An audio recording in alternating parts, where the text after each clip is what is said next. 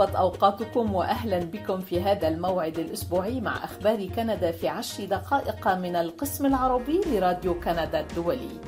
تقدم لكم حلقة اليوم من بودكاست كولاد درغام منصف عناوين الأخبار.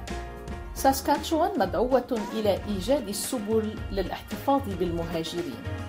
أوتاوا ترسل سفن البحرية الملكية الكندية قبالة سواحل هايتي. ومساعدة المنكوبين جراء الزلزال المدمر في سوريا ليست دون عقبات. تفاصيل الأنباء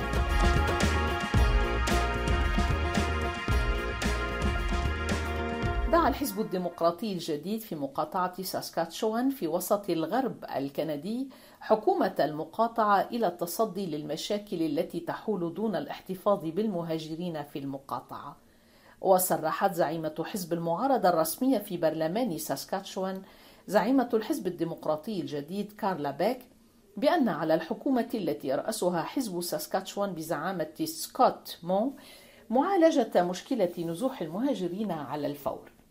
يذكر أنه مطلع الشهر الحالي صادفت الذكرى السنوية الخامسة لأداء سكوت مو اليمين الدستورية كرئيس وزراء لساسكاتشوان ويشكل حزبه الأغلبية البرلمانية. تقول كارلا بيك يقفز من السفينة مهاجرون وعائلات جديدة وأطباء وعمال وكأنه ليس هناك غد.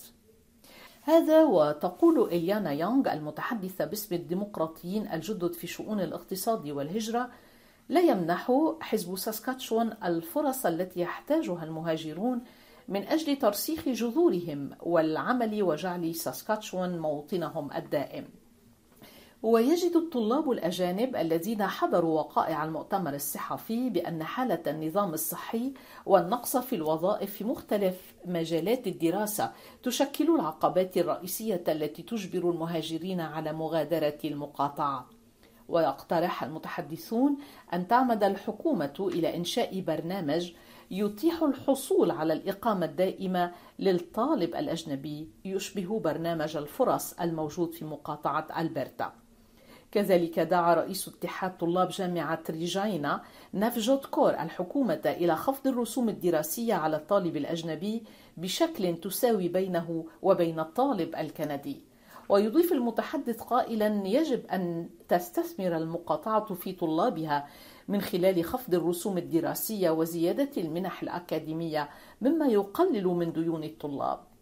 إن هناك أيضا حاجة للاستثمار في المجتمع لإنشاء دعم مجتمعي مثل تحسين خدمات النقل على حد تعبيره. من جهتها تنظر حكومة سكوت مو إلى الأمور بمزيد من التفاؤل مشيرة إلى أن عدد سكان ساسكاتشوان ينمو بسرعة في السنوات الأخيرة يقول وزير الهجرة والتدريب على المهارات في الحكومة جيريمي هاريسون إن عدد سكان ساسكاتشوان زاد نحو 6500 شخص خاصة في الربع الثاني من العام الماضي. يذكر أن هذه هي أكبر زيادة تم تسجيلها في فترة ثلاثة أشهر منذ أن بدأت وكالة الإحصاء الكندية في نشر بيانات سكانية ربع سنوية في عام 1971 على هامش مشاركته في الاجتماع السنوي لمجموعة الكاريبي أعلن رئيس الوزراء الكندي جوستن ترودو عن إجراءات جديدة لمساعدة هايتي التي تشهد منذ شهور أحداث عنف وقتل على يد العصابات المسلحة. دون استجابته بشكل إيجابي لطلب التدخل العسكري الذي ذكرته المفوضية العليا لحقوق الإنسان في منظمة الأمم المتحدة الأسبوع الماضي تعهد ترودو بارسال سفن تابعة للبحرية الملكية الكندية قبالة سواحل جزيرة هيسبانيولا في جزر الأنتيل الكبرى في البحر الكاريبي. وفي خطاب ألقاه في ناسو عاصمة دولة جزر البهاما في المحيط الأطلسي في إطار الاجتماع السنوي لمجموعة الكاريبي حدد ترودو أنه سيتم نشر الجيش الكندي في الأسابيع المقبلة.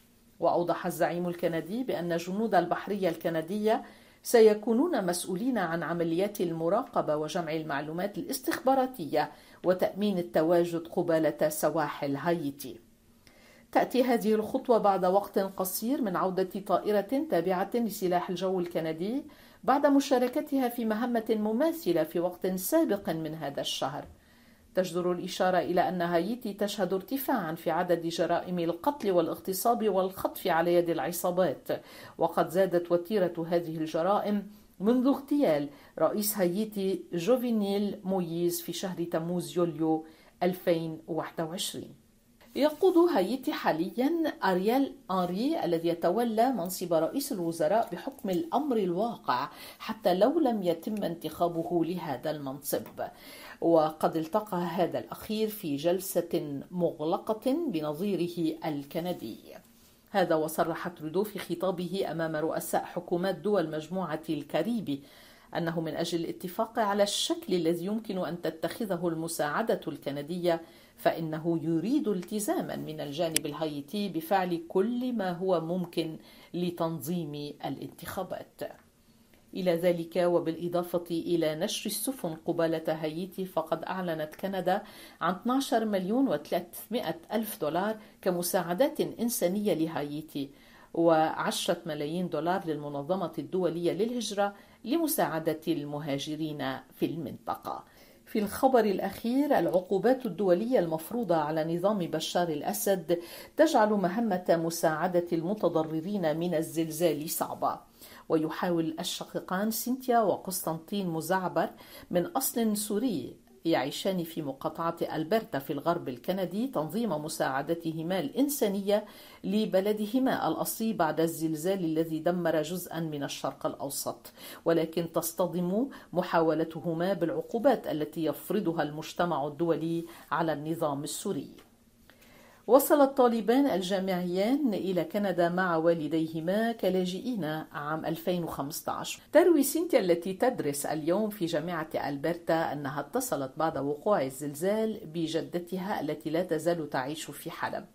أخبرتني جدتي أن الأمر كان مرعبا أكثر من عقد الحرب الأهلية بأكمله. وتشير المتحدثة إلى أنه لا يزال هناك سقف فوق رؤوس معظم أحبتها في الوطن الأم ولكنها تنعي الاحتياجات الهائلة في منطقة دمرتها حرب أهلية مستمرة منذ أكثر من عشر سنوات بين نظام بشار الأسد ومختلف الجماعات المتمردة.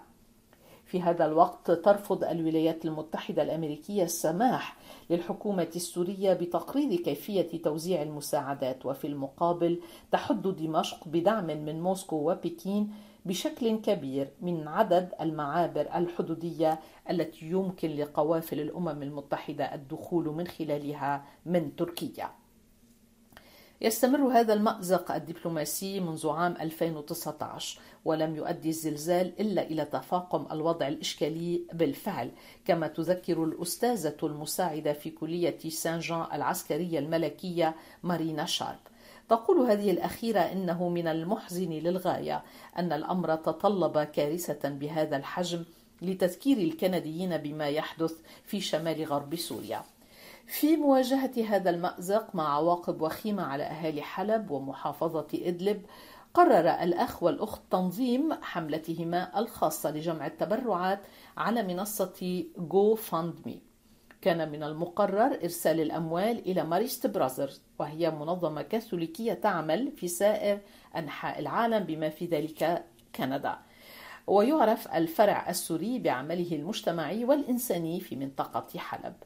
في 7 شباط فبراير الماضي تلقى قسطنطين رسالة عبر البريد الإلكتروني من منصة مي تبلغه بتعليق حملته لأنها استهدفت قضية أو منطقة متضررة من العقوبات الاقتصادية. يقول الشاب الجامعي لقد صدمت للغاية لرؤية الحساب محظورا وأنه توقف كل شيء واعتبر أنه مثال آخر على عدم الاهتمام الواسع النطاق بالوضع في سوريا.